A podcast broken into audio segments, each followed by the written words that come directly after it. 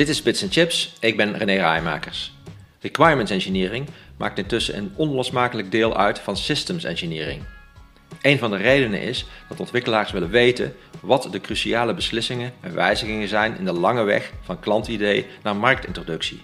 Daarvoor is traceability nodig, een systeem waarin je kunt opzoeken wanneer welke beslissingen zijn genomen. En natuurlijk ook waarom zijn ze genomen.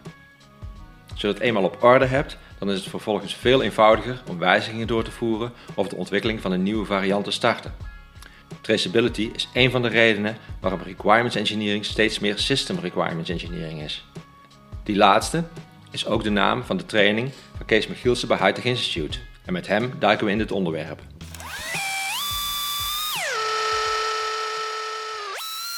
Kees, we gaan het nu hebben over traceability in requirements engineering. Wat is dat precies, uh, traceability? Traceability um, is het vermogen om uh, te volgen wat er is gebeurd met een stakeholder niet. Als je, als je begint zeg maar, bij een, wens van een klant en uh, je volgt die wens van die klant tot het moment dat je onderdelen zeg maar, van het product gaat implementeren. Uh, ja, je gaat iets verkopen. Zijn, of, uh, ja, voordat we aan het verkopen zijn, moeten we hem nog omzetten zeg maar, naar, naar of een stukje mechanica of elektro of, of software natuurlijk. Mm -hmm. En dat is het moment wat ik implementatie zou willen noemen. Dus ja. de, een van de belangrijkste opdrachten zeg maar, van het requirements engineering proces is ervoor te zorgen dat die vertaling hè, van, van uh, de stakeholder niet, dus echt hetgeen wat de klant wil, naar het moment van implementatie, dat dat uh, zich voltrekt correct, hè, dus op de correcte manier. Dus dat, dat inderdaad hetgeen wat de klant wil ook daadwerkelijk wordt geïmplementeerd, dat het volledig gebeurt uh, en dat het traceerbaar gebeurt in, in de zin dat je kunt volgen uh, wat is er gebeurd met een requirement op het moment dat een uh, requirement onderdeel gaat uitmaken van een bepaalde oplossing? Hm. De requirements leggen dan een hele weg af tot ze uiteindelijk daadwerkelijk terechtkomen in software of elektronica of mechanica. Ja. En die hele weg, die wil je eigenlijk in kaart brengen. En dat is eigenlijk de, het, wat je bestaat onder traceability. Precies. En, en traditioneel gezien beperkte zich zeg maar, traceability tot het bepalen van requirements en dan uh, kijken naar de, de, vertaling op het volgende niveau. Uh, dat wil zeggen dat er allerlei verbindingen ontstonden tussen requirements onderling.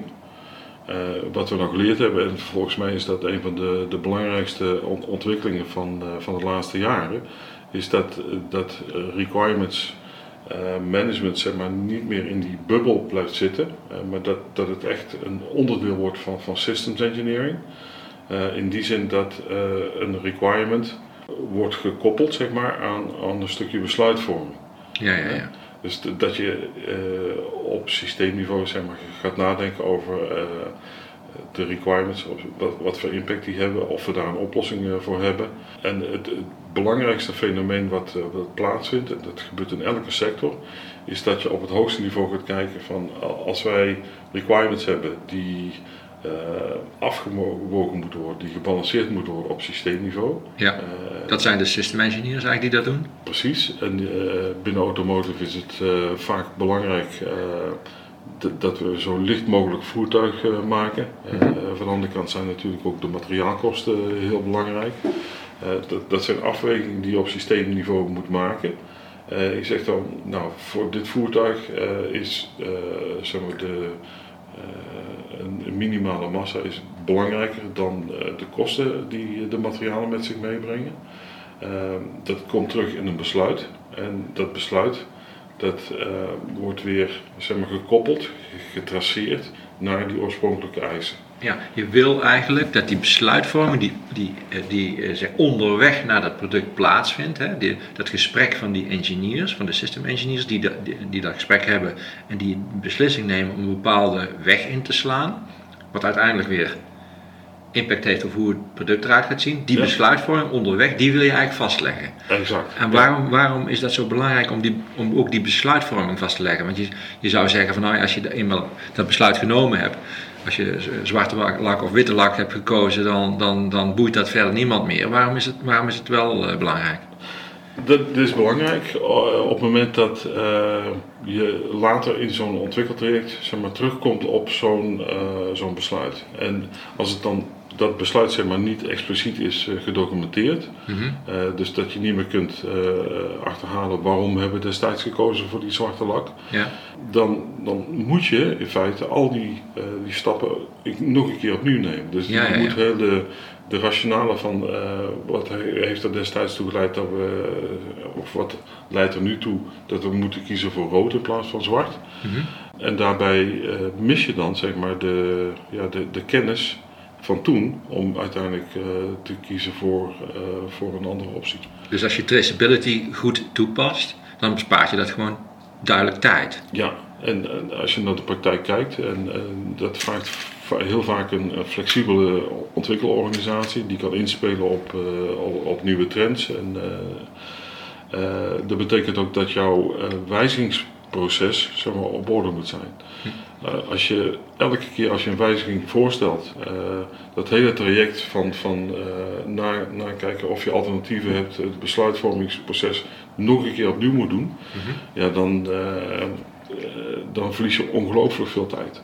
Dus de requirements engineers die zorgen er eigenlijk voor dat de, de hele trace die zo'n product, die er in, in, zo, in dit hele proces ontslaat, dat dit vastgelegd wordt. Waarbij iedereen in de organisatie houvast heeft eh, als ze nieuwe keuzes willen maken in bijvoorbeeld eh, andere versies van een product of eh, wijzigingen in het product willen aanbrengen. ja, Dan, dan, dan, vallen ze eigenlijk terug op wat requirements engineers hebben vastgelegd. ja, en het, het is, het is de vraag zeg maar, of dat, dat de taak van een requirements engineer zou moeten zijn. Hè, dus als je kijkt naar het overall ontwikkelproces, dan, dan beginnen we vaak met requirements engineering. Eh, en de output van requirements engineering wordt dan weer gebruikt voor de input van het ontwerpproces. Je gaat nadenken over eh, oplossingen. Die oplossingen die ga je wegen eh, in een besluitvormingsproces.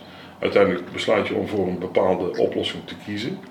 Maar die oplossing, die koppel je dus terug naar de oorspronkelijke requirements. Je zegt van nou, we hebben een oplossing gevonden voor die requirements. Dat is de trace. Hè, die gaat vanuit de Ja. oplossing eh, naar de requirements terug. Maar die, die, eh, die keuze die heeft gevolgen voor de, de subsystemen die daarna komen. Dus, dus als wij bepaald hebben dat massa een, een bepaalde een, een sterke voorkeur moet hebben boven andere aspecten, dan komt dat terug in de, in de budgettering van massa over die verschillende eh, subsystemen.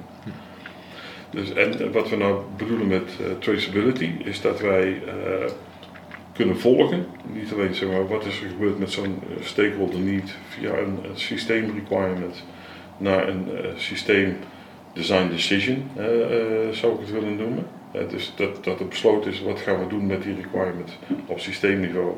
En dan de consequenties daarvan, die willen worden uitgedrukt in requirements voor de subsystemen.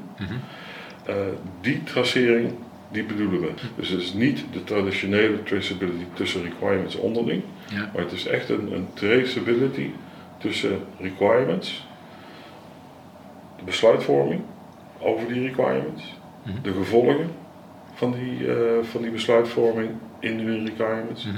de be- besluitvorming van die requirements op dat niveau, steeds op een lager niveau, tot we zeggen, van, nou nu hebben we voldoende informatie om dat om te kunnen zetten naar een stukje hardware of een stukje software. Waarom krijgt dat nu eigenlijk zoveel aandacht? Want je hebt het uitgekozen als een van de trends die, die jij ziet, die, Ja. die, die belangrijk wordt. Waarom, waarom is het eigenlijk iets wat, je, wat jij eigenlijk eh, herkent als re- eh, recente ontwikkeling, dat traceability? Nou, omdat je op een gegeven moment eh, merkt dat er, er, er worden steeds meer eisen gesteld zeg maar, aan het hele ontwikkelproces. Net al genoemd zeg maar, de, de flexibiliteit die organisaties moeten hebben ten aanzien van het, mee kunnen gaan in bepaalde trends, het, om kunnen gaan met wijzigingen. Ehm, en het, het, de, de, traditionele opdracht zeg maar, van de requirements engineer om die traceability zeg maar, te verzorgen met de bijbehorende tooling. want daar, ligt ook een, een dik probleem dat kun, je, dat kun je niet meer beperken tot het requirements eh, domein. Je, je moet dus uh, kijken naar, zowel naar het, uh, het, design als naar de besluitvorming over dat design.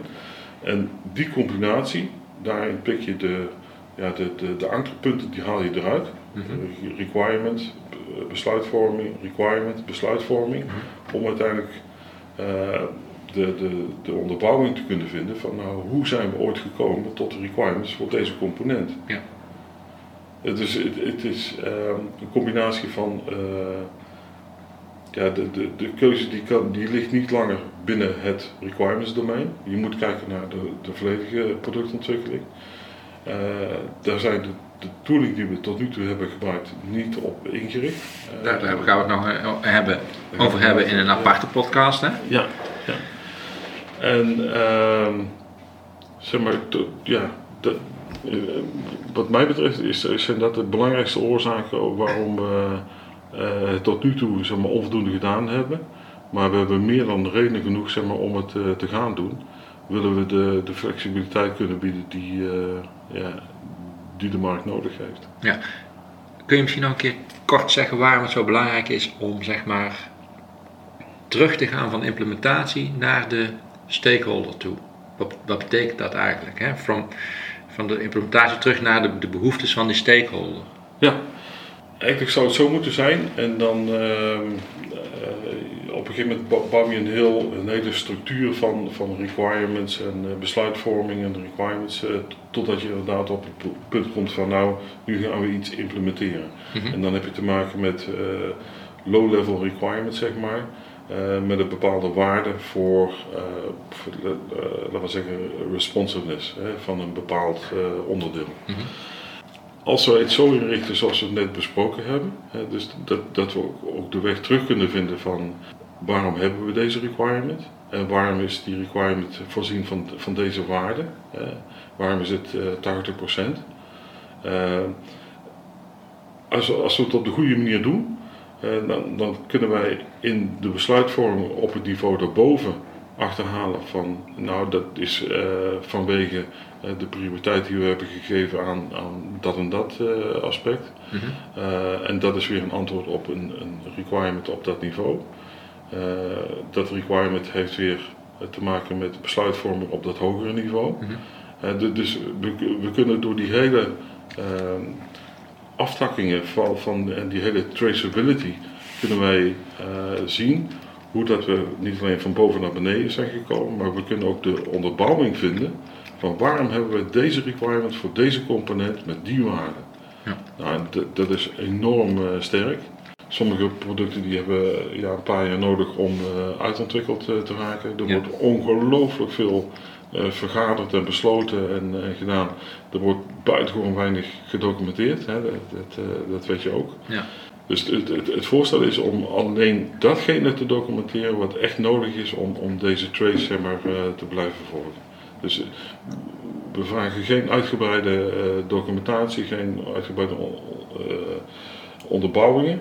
Maar we moeten wel op zijn minst zeg maar, de verwijzingen kunnen vinden van deze requirement is afkomstig van dat besluit. Dat besluit verwijst naar een bepaalde oplossing en verwijst naar requirements op datzelfde niveau. Nou, Als we dat voor elkaar hebben, dan zijn we spek open. Opnieuw een uh, mooie afsluiting. Dankjewel Kees. We gaan uh, volgende week gaan we het hebben over het W-model. En daarna komen de toolboeren of de toolleveranciers uh, aan de beurt. Ja, precies. Wordt heel pijnlijk volgens mij. Bedankt.